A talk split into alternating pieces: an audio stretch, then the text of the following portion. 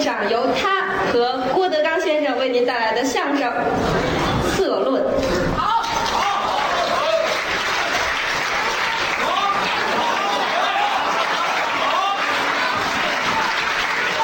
说相声带变戏法儿啊！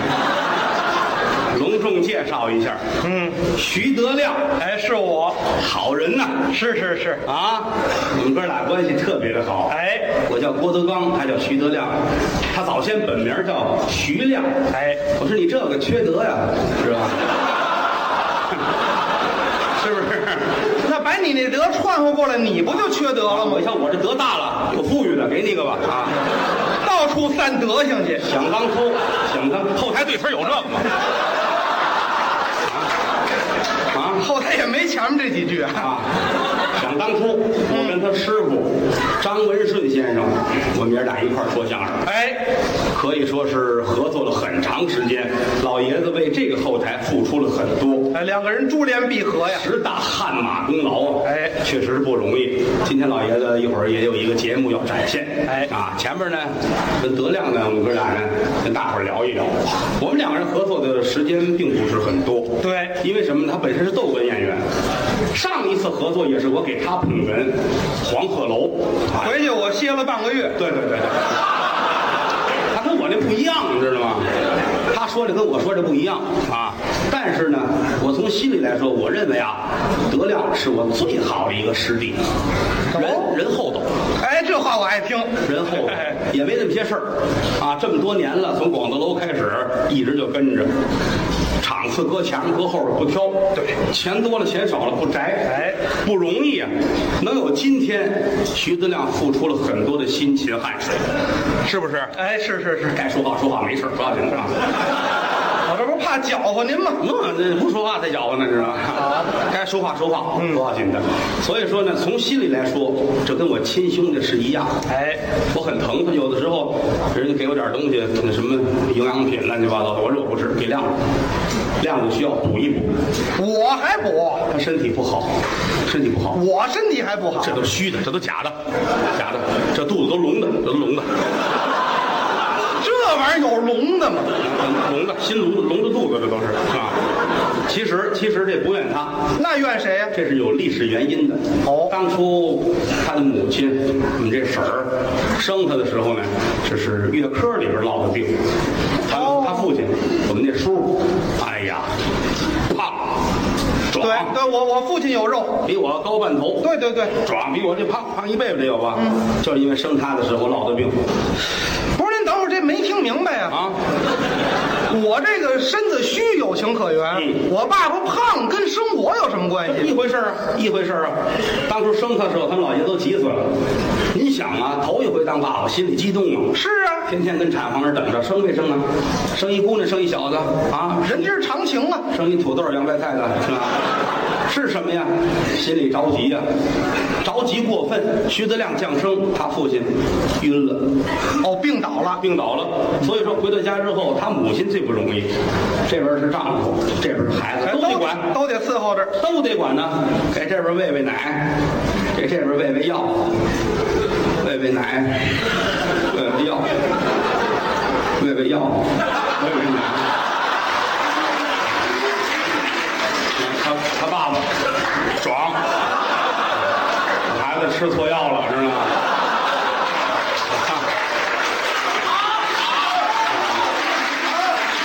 这个说实在，这个咱们知道就完了，这就不不合适，不能说。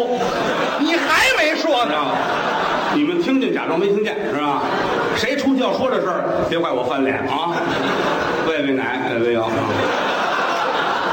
你父亲也挺胖的。呃，该我说了，别说啊。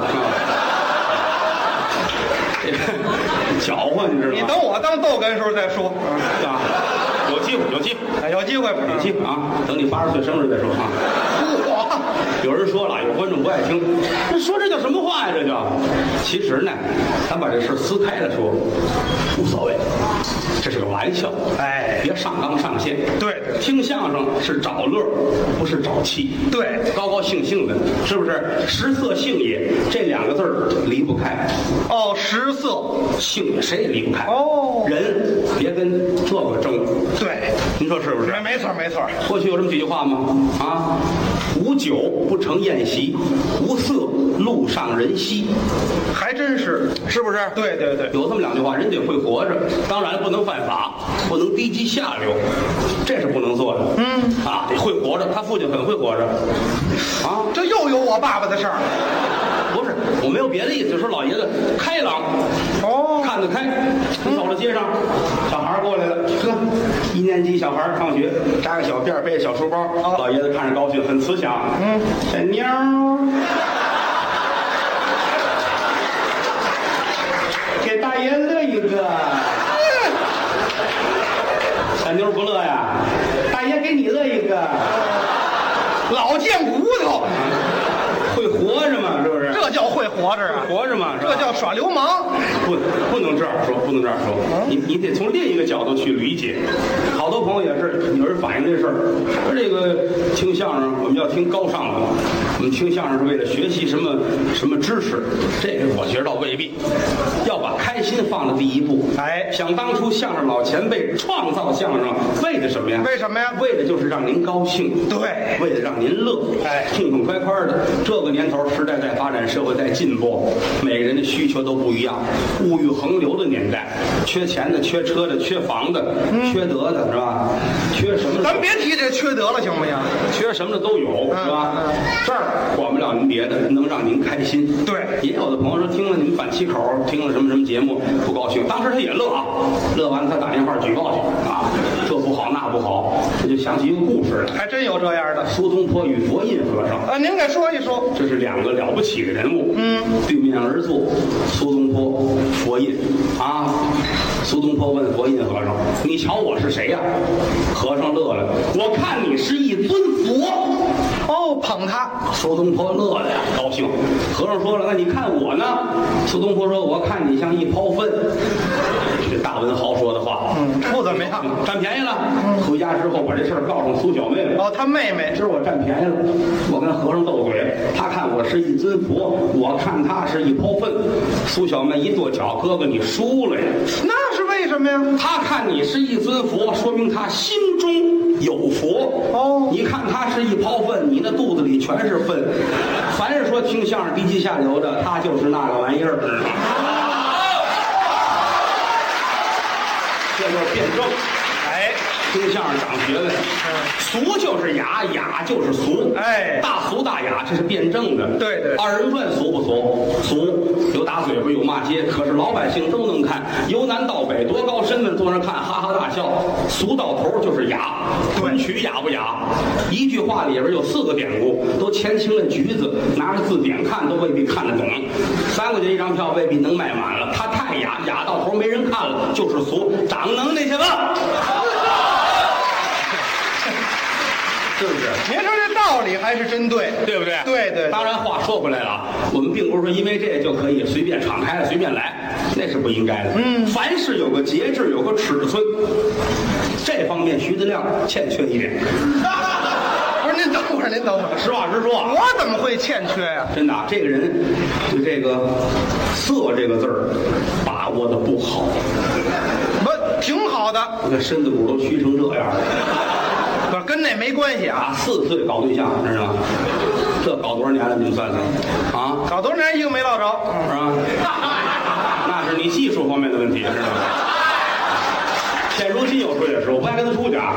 这一出去没别的事儿，呵，这个漂亮，呵，那个是我媳妇儿多好，净这出儿。哎，有这毛病倒有是。一天晚上，我们俩出演出去，好多人都有事儿，知道吗？于谦儿也有事儿，张先生身体不好，老先生住都远，人家特意说了哈，说您随便带一人都行，您呐，逗哏呐，一场给您一万块钱，嗯，逗哏这个呢，给五十块钱啊，你找一个吧。我想了想，五十块钱在北京相声界不好找啊，算来算去，哎，徐德亮能应这活儿，啊。咱俩有交情，对对对对，他帮着我嘛，哎当然我也没告诉我挣一万块钱啊。什么交情这是？演完了给钱高兴，数半天五十块钱，呵，我也能挣钱了。你瞧这五十块钱还数半天呀、一块一块的啊，祖学那也不是什么好东西。嗯 揣兜里高兴，开着车没车坐我车走，走着走着他喊我停，别走了，什么事儿啊？吓我一跳，赶紧踩住了。我说怎么着，兄弟，干嘛？不说话，脑袋看窗户外边。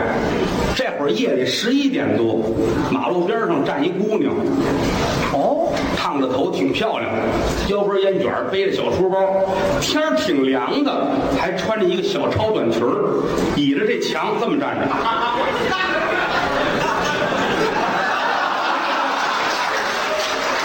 啊就爱这个你这人找一辙，你看见吗？看见吗？哎我没说错的吧？知道吗？我说你干嘛呀？哎，师哥，你走吧，你甭管了，你甭管了。开门下车，我不能走啊！看着吧，你走吧。啊！他下车了，奔这女的去了，来回溜了三圈儿，他也不说话。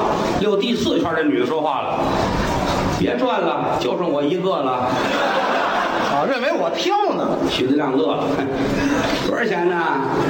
多少钱？二百，二百， 哼三十，咱会划价儿，三十行不行啊？凭什么给这么少啊？我师傅张文顺呢？啊，那管什么呀？你哎看这玩意那没什么用处。儿，有师傅就好办嘛。要提侯耀文还行，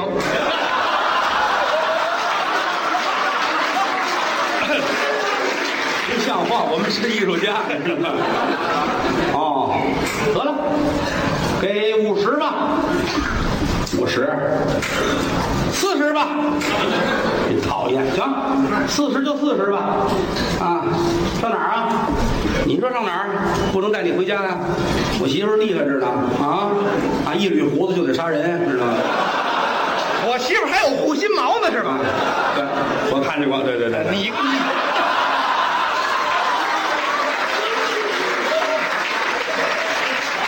上哪儿去啊？到底上哪儿去？快说！哎，上我那儿去吧，就马路对过那酒店。嗯啊，就那儿打一车去，快点儿，打一车咱走。这这两步道打车，还得花十块钱，离多近？你看这这这走五分钟就走到了，那么近，为什么还得打车呀？废话，废话，不打车，不打车我走得了吗？我。呃，这